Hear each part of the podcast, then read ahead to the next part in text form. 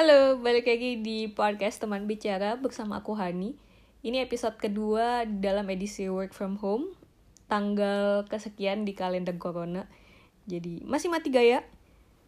Maka dari itu aku mau bikin podcast setelah episode pertama itu beberapa hari yang lalu ngomongin Jason Ranti dan kali ini masih dengan tamu yang sama yaitu suamiku sendiri. Hai. Oh, Dan kita mau ngomongin apa nih Mas malam ini? apa terserah. Nah, sebenarnya aku dalam work from home ini selain pengen baca, kan juga pengen nulis ya, pengen produktif nulis. Dan jadi kali ini aku pengen belajar sama emas tips dan trik menulis. Tapi sebelumnya aku mau ngasih tahu dulu cerita sama orang kenapa sih aku pengen belajar nulis dari emas. Kenapa? Ini ada hubungannya dengan video yang sebenarnya pengen aku bikin dari lama. Aku pengen bikin video judulnya Oh. How I Met Your Father. Oh, So-so How I Met Your Mother. iya iya. Jadi nanti itu videonya adalah buat anak-anakku nanti nyeritain gimana sih awal muasalnya orang tua kalian bertemu. Cil. Jadi emang tujuannya bukan buat umum tapi lebih ke buat anak-anakku karena kalau orang umum ya ngapain juga mungkin nggak peduli juga sih kita ketemunya kayak apa. Mm-mm. Tapi ini buat anak-anakku. Ceritanya gimana awal muasalnya kami bertemu yang ternyata adalah karena tulisan. Hmm. Jadi kalau boleh cerita sedikit, intinya adalah aku adalah pembaca blognya emas dari zaman dulu. Hmm. Yang mana aku nggak tahu Wow. Aku nggak tahu emas sebenarnya. Jadi emas ini punya blog waktu itu mungkin kisaran tahun 2010 ya. 2010 kayaknya emang blog masih happening gitu. Aku juga termasuk orang yang suka baca blog. Dan biasanya kalau aku suka blog aku itu cari penulisnya siapa. Dan biasanya aku reach out di Twitter. Dan aku suka mention orangnya hanya untuk bilang eh gue baca tulisan lo dan gue suka loh apa yang lo tulis gitu ada lu enggak kemas kayak gitu? Hah? Enggak, enggak kayak gitu. kayaknya gitu deh Oh iya, Pak. Pokoknya waktu itu ada beberapa blogger yang aku reach out di Twitter. Salah satunya juga Oh iya dulu komen di Facebook gitu ya, komen di lupa, link. pokoknya di sosmed lah. Ada salah satunya itu namanya Om Bukik. Eh, Om Bukik ini suka nulis tentang psikologi dan pendidikan dan tulisannya menarik banget. Terus aku cari di Twitter, terus aku suka mention-mention Om Bukik dan malah jadi temenan. Mm-mm. Nah, salah satu blogger yang lain adalah Ekonom Gila Hmm. yang suka aku baca. Mm-mm. Kenapa aku suka ekonom gila? Karena eh yang pertama eh orang yang suka nulis pasti suka baca kan. Nah ini tulisannya bagus banget. Berarti apa yang dia baca pun aku yakin itu bagus. Iya. Yang kedua, Oh. Terus yang kedua adalah orang yang pintar itu belum tentu bisa menyederhanakan sesuatu yang rumit. Jadi bisa dimengerti oleh orang lain. Nah, seekonom gila ini bisa menyederhanakan ilmu ekonomi dan bisa enjoyable bahkan untuk aku yang bukan orang ekonomi. iya, iya. Dan yang ketiga, orang yang pintar belum tentu bisa membuat orang lain pintar juga. Nah, sedangkan seekonom gila ini tulisannya menurut aku bisa menyederhanakan yang rumit dan juga bisa membuat orang lain mengerti. Jadi kayak ini beberapa step Oh, berarti Di bukan depan malah lah. membuat orang lain lebih gila ya. Jadi buat tambah pintar gitu. lumayan lah. Kirain Ya. tambah gila. Intinya adalah aku adalah pembaca blog yang namanya Ekonom Gila. Walaupun pada saat aku ngerekam video ini atau podcast ini, si websitenya lagi nggak bisa diakses gara-gara eh, lupa perpanjang hosting atau domain ya. Tapi kalau kalian googling Ekonom Gila, mungkin kalian akan masih bisa nemuin WordPress atau blogspotnya yang ada konten blog-blog yang lama lah. Tapi di situ juga kalian udah bisa kebayang tulisan ekonom gila itu kayak apa. Mm-mm. Nah, dari situlah awal muasalnya aku kenal para ekonom gila ini. Yang salah satu penulis yang paling aktif itu adalah emas. Mm-mm. Ya kan? Gitu. Sampai akhirnya ya singkat cerita di tahun 2016 pada saat aku pengen bikin satu lini bisnis baru dan ternyata si ekonom gila ini sedang ada di kota yang sama which is Jakarta aku ngajakin ketemu bener-bener nggak ada ekspektasi sama sekali aku cuma lagi nyari counterpart untuk berdiskusi dengan orang yang eh, kayaknya bidangnya ada apa namanya konvergennya sama yang aku pengen bikin. Jadi akhirnya ya udah aku ngajakin ketemu emas. Nggak ada ekspektasi sama sekali. Dan my first impression was uh, there was on the there was a thick book on the table. There was. Ya jadi ada buku aku nggak impress. Yang pertama kali bikin aku impress adalah aku ngeliat ada buku tebal bahasa Inggris gitu yang lagi emas baca dan dan aku ngerasa tuh kan bener nih orang emang suka baca gitu Hmm. jadi aku fell in love sama bukunya Oke, bukan sama orangnya. ya long story short akhirnya aku menikahi salah satu blogger favoritku lah Oke. oke Oh, so sweet. jadi ternyata sebegitunya sebegitu powerfulnya tulisan loh yang sampai oh kalian ternyata bisa dapat jodoh loh dari tulisan Oke. yang walaupun ternyata saudara-saudara setelah kami menikah suamiku jadi jarang menulis seperti sudah Karena menemukan sudah ini ya menemukan ininya. sudah mendapatkan hasil ya tujuannya. Menulis untuk menikah. asik nah itu sedikit cerita awal muasalnya kami bertemu yang ya udah singkat cerita seperti itu bahwa tulisan itu bisa membawa kalian ke berbagai opportunity Iya. tapi bukan itu poin yang mau aku bicarakan poin yang mau aku bicarakan adalah kok mas bisa nulis bagus sih Oke, terima kasih istriku. Gimana ini udah ya ceritanya? Giliran Mas ngomong berarti. Enggak, eh iya boleh Oh gitu.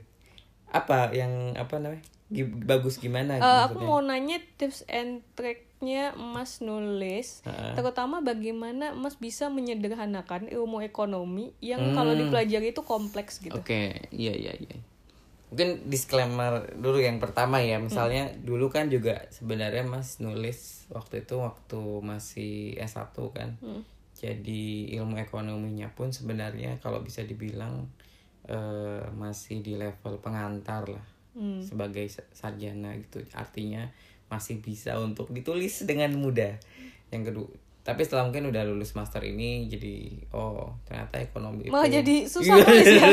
Karena oh kayaknya ini disederhanakannya Eh, rumit ya. kayaknya disederhanakannya atau mungkin ya mas sekarang belum memahami secara utuh gitu apa sih yang kemarin di misalnya di level master itu belajar gitu kadang kita butuh waktu kan untuk Hmm. meresapi Oh, aku mau ngasih sedikit gambaran Hmm. dulu ya. Eh. Waktu zaman-zaman dulu tuh tulisan emas tuh kenapa bisa enjoyable? Karena konteksnya sederhana ya. Mm-mm. Kadang ada yang oh eh, cerita tentang jatuh cinta Mm-mm. tapi dari segi ekonomi. Mm-mm. Ada yang namanya cost benefit analysis, Mm-mm. ada sunk cost fallacy kalau Mm-mm. kalian susah move on. Jadi Mm-mm. relatable banget ke orang Mm-mm. gitu. Iya. Walaupun sebenarnya ilmu ekonomi itu tidak sesederhana itu, itu yang Hmm. pertama. Tapi kalau kembali yang ke tips dan trik yang ya Mas juga nggak terlalu pakar banget, cuma memang eh, ada ada dua hal yang harus kita bedakan. Yang pertama eh, belajar menulis dan belajar tentang menulis. Mungkin kalau sekarang kita lagi ngobrol Belajar menulis dan dan belajar tentang menulis. Mm-mm. Sekarang yang lagi kita lakukan adalah kalau teman-teman yang lagi dengar ini, ini sedang belajar tentang menulis. Jadi apa yang kita nanti omongin itu palingan belajar tentang menulis aja. Karena pada intinya sebenarnya belajar menulis itu adalah masalah praktek langsung kita lakukan gitu. Mas sendiri kan kalau dari sisi nulis sih sebenarnya karena mungkin dari kecil suka nulis-nulis gitu. Sampai akhirnya waktu kuliah juga pernah gabung di pers mahasiswa jurnalis mahasiswa gitu. Jadi memang eh, bukan karena berbakat tapi memang karena sudah lebih lama aja eh, latihan nulis.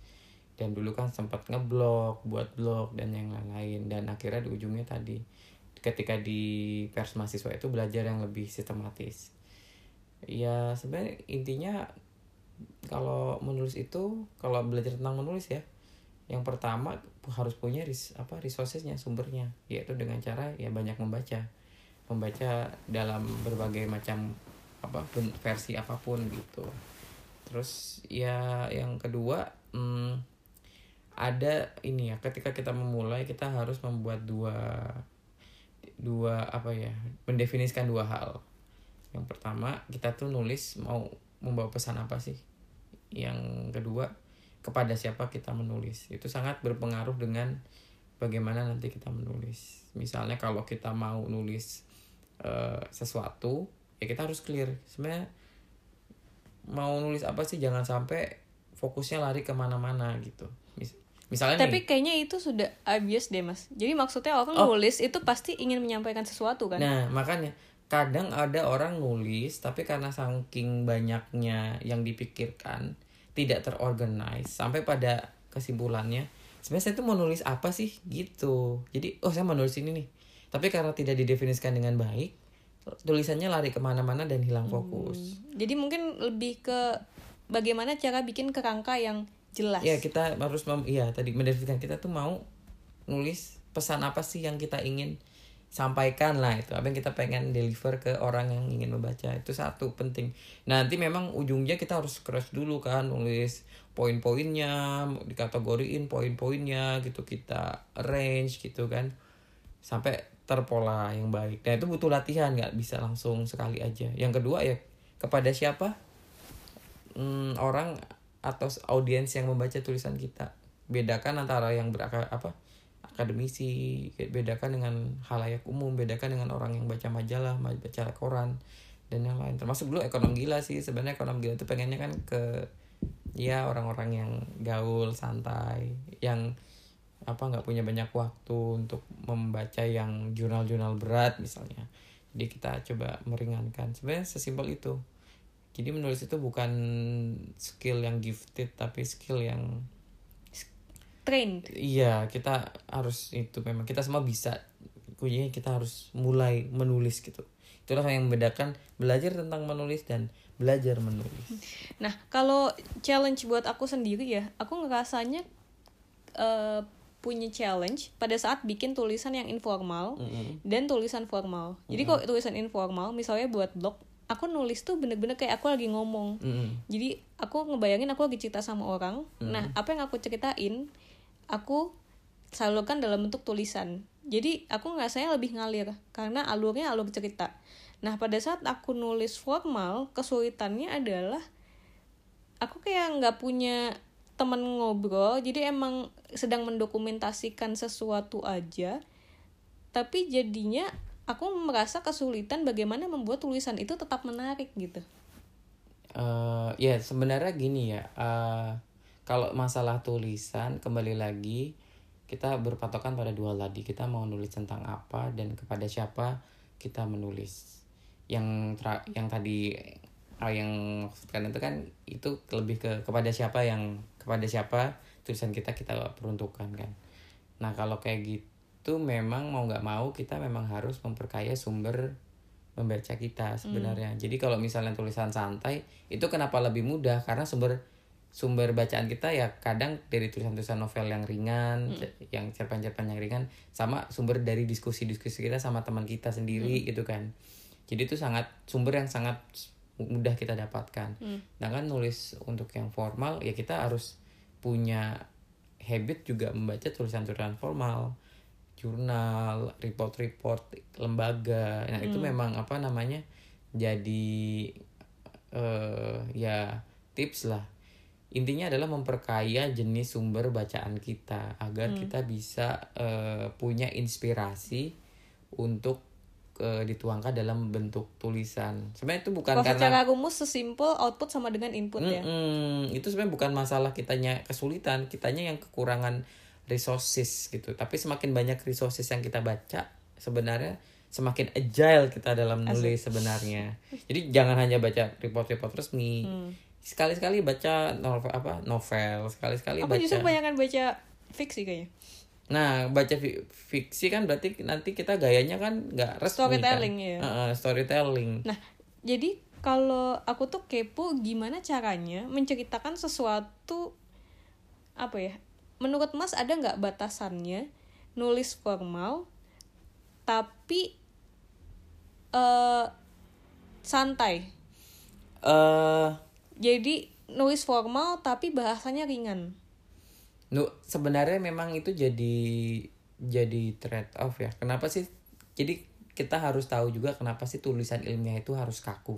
Hmm. Eh pertama dalam dunia ilmiah itu yang paling dihindarkan itu kan adalah multi inter- interpretasi jadi kenapa tulisan ilmiah itu harus sek- sekaku mungkin Hmm. SPO-nya harus benar agar pesannya tuh tunggal gitu Hmm. nah kenapa tulisan santai itu atau pada bahkan tulisan yang puitis Jadi itu menurut Mas tulisan ilmiah itu memang harus kaku. tulisan ilmiah untuk tujuan ilmiah untuk dibaca ilmiah memang harus kaku tapi kalau mau bermain di tulisan yang apa yang isinya kontennya bagus Hmm. tapi nggak ilmiah bisa tetap dapat tapi itu membuka ruang orang untuk berinterpretasi macam-macam Nah, karena Nah. aku kan tadi bahas blognya ekonom gila, menurut aku itu tetap ada ilmiahnya. Mm-mm. Tapi kenapa enjoyable sama orang kan berarti penyampaiannya tidak sekaku tulisan ilmiah yang lain gitu. Mm-mm. Nah, sebenarnya gimana caranya menyampaikan Iya, ilmiah dengan tidak ilmiah? ya sebenarnya kalau kalau dua kutub ujung paling ilmiah itu kan level-level tulisan jurnal gitu kan itu sangat ilmiah tuh kita nggak bisa bermain-main banyak di di ruang itu. Cuma ada turun lagi sebenarnya tulisan-tulisan textbook ekonomi itu banyak kok tul penulis-penulis yang dia lebih santai gitu. Sebenarnya ya ini kembali lagi ke jenis apa namanya output tulisan yang kita pengen buat sebenarnya. nggak ada sih sebenarnya rumus rumus bakunya yang ada ya kita secara teknis memperkaya aja ini khasanah sumber bacaan kita aja sebenarnya. Kalau mau dibuat rumus nggak ada ya nggak ada rumus yang kaku. Ada penulis textbook yang sangat kaku ada penulis textbook yang sangat renyah gitu. Itu yang membedakan yang paling kan orang-orang yang tulisannya renyah itu dia punya pembedaran kata yang lebih luas dia tahu eh, perkembangan kata bah- apa kata-kata gaul masa kini itu apa makanya sebenarnya paling bagus kalau orang itu resourcesnya itu nggak cuma satu ya baca fiksi juga baca non fiksi juga baca report juga mas kalau dulu tuh zaman kuliah senang baca buku eh, cerpen eh, apa cerpen terbaik tahunannya Kompas karena itu biasa ketemu istilah-istilah Sampai sekarang baru. Kompas masih suka. Kayaknya masih sih terakhir yang Mas punya tahun 2014 apa? Kumpulan cerpen. lama banget. Iya, udah lama sih pengen baca lagi. Jadi kalau kalau resources kita lebih banyak, Hmm. Mm, lebih itu berarti apa? Kita bisa lebih agile aja kita mau nulis eh, ke mana. Kalau masih selama ini belajar nulisnya gitu. Selama kita resourcesnya bervariasi, Hmm. maka kita bisa mengimplementasikan itu dalam ben- banyak bentuk gitu. Ya nggak sih? Oke. Nah, gitu tadi pertanyaannya apa sebenarnya? Sebenarnya itu tadi. Jadi bagaimana menceritakan sesuatu yang ilmiah dengan tone yang tidak terlalu kaku.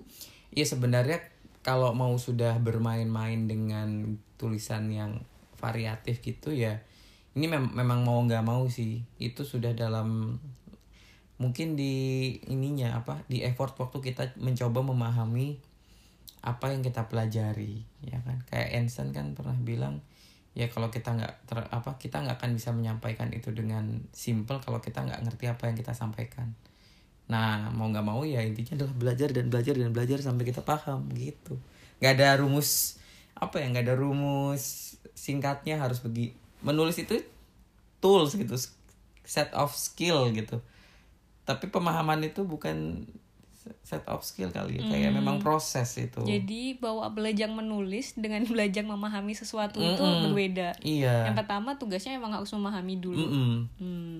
Oke. Jadi semakin kita memahami semakin yakin bahwa penyeder penyederhanaan kita itu benar gitu kan Hmm. Mas juga sempat nerbitin buku kan? iya ah, iya. Judulnya apa? ketika ekonom Ekonom Gila Jatuh Cinta. iya ketika ekonom gila jatuh cinta apa ya Asik. ya itu tulisan bareng Mas Yoga juga sih di blog ekonom gila Iya. Mas Yoga dan adalah yang salah lain-lain satu teman-teman yang lain ha. Mas Yoga adalah salah satu kontributor Utama. kontributor utamanya ekonom gila yang Hmm. tulisannya sangat ini ya menarik, Mind ma- mind, mind blowing. Itu salah satu yang harus kita undang di podcast kita. Mm-mm. ya kalau di yang aku belum eh. pernah ketemu. oh oke nanti hari kita harus ketemu tuh Iya. Mas Halo. Mas Yoga, harus nanti ketemu ya. Mm-mm. Eh, kita ngobrol-ngobrol. Mm-mm. Semoga sehat selalu bersama keluarga di Jogja ya sekarang. di Jogja sekarang Wah pokoknya eh, para pendengar harus nyobain lah baca tulisannya Mas Yoga. Iya. terus apa lagi kayaknya itu deh Mas juga kan biasa-biasa aja kayaknya menulis cuma Asik. dapat Sok-sok humble. Tapi itu ya sedikit gambaran bahwa menulis itu bisa membawa kita ke opportunity yang mungkin tidak terbayangkan sebelumnya. Iya. Jadi aku juga pernah dengar salah seorang cerita, mungkin kayaknya Pak Yanuar Nugroho apa ya, yang sempat ya kalian googling Pak Yanuar is very important person in this country lah. Dan dia pernah cerita beliau itu waktu di Manchester kayaknya dapat salah satu kesempatan uh, berkarir mungkin jadi asisten research atau asisten dosen di sana karena orang itu tahu beliau suka menulis. Hmm. Jadi bahwa tulisan kita itu kalau bagus itu benar-benar bisa buka opportunity macam-macam. Iya. Bisa orang jadi tahu cara berpikir kita bahwa Hmm. eh oh iya cara berpikirnya menarik, punya pemikiran yang bagus Hmm. dan ya itu bisa dapat jodoh. Iya. Ya kalau Mas lihat, kalau opportunity itu semua yang kita pelajari itu pasti akan punya eh, dampak dengan banyaknya opportunity, opportunity. Hmm. Termasuk salah satunya menulis. Cuma yang paling eh, kuat dari kalau kita punya skill menulis yang baik kan tadi pekerjaan kita juga levelnya bukan di level yang kasar. Karena menulis bagi Mas itu adalah eh, melatih eh, otak untuk melakukan sistematika yang benar. Melatih otak untuk berlogika dengan benar gitu. Hmm. jadi termasuk juga nanti berkomunikasi dengan sistematis efektif gitu. Itulah kenapa orang yang apa eh, menulis itu akhirnya banyak skill-skill yang lain yang dia mungkin bisa kuasai gitu dan Hmm. menulis itu sebuah skill yang umum gitu hampir semua orang yang apa penulis bisa menulis dengan baik itu bisa diimplementasiin dalam banyak karya atau dalam banyak profesi sebenarnya menurut mas Hmm. kayak listrik aja bisa jadi apa aja gitu Hmm. Jadi bahwa menulis itu adalah refleksi dari sistematika berpikir Mm-mm. yang selain dalam bentuk tulisan sebenarnya sistematika berpikir itu bisa jadi komunikasi dalam bentuk Mm-mm, lain, iya. bisa komunikasi publik dan lain-lain ya. Betul.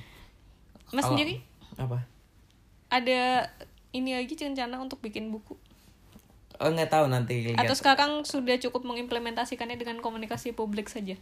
Enggak enggak. Sebenarnya kan mm, pengen sih tetap nulis. Karena kalau misalnya Mas harus nulis buku. Iya kalau misalnya berkarir sampai misalnya bukan bukan berkarir sekolah sampai PhD at least at least harus banyak nulis jurnal at least harus buat buku. Tapi harus ini sih memang.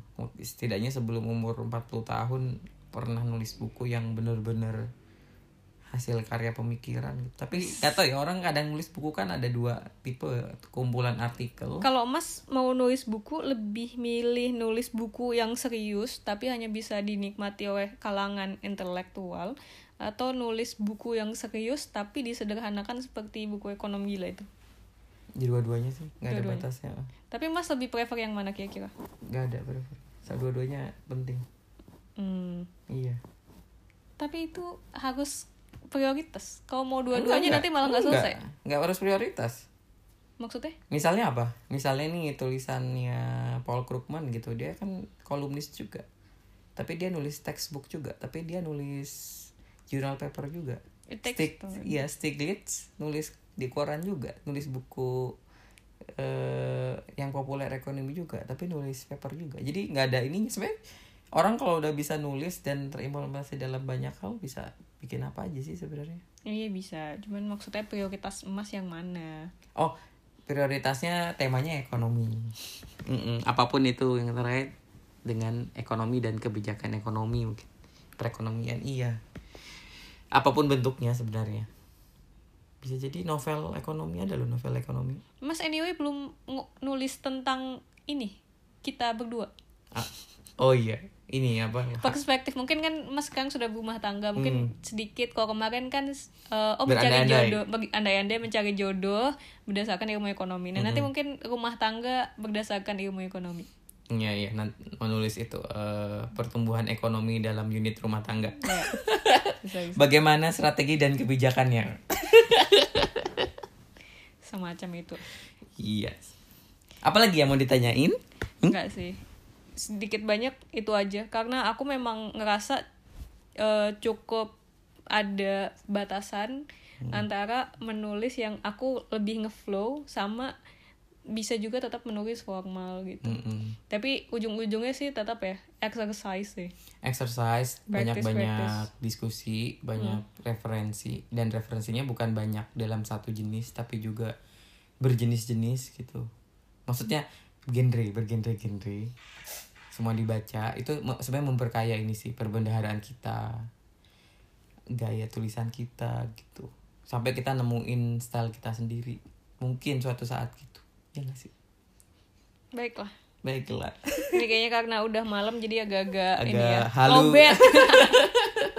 mohon maaf kepada para pendengar yang Iya. cukup merasakan kelemahan kita juga Hmm, lobet Ini karena work from home, karena corona sambil di depan laptop sambil kerja. Ya, tapi sedikit banyak itu yang pengen aku tanya dari Mas. Dan untuk topik kali ini kita sudahi saja.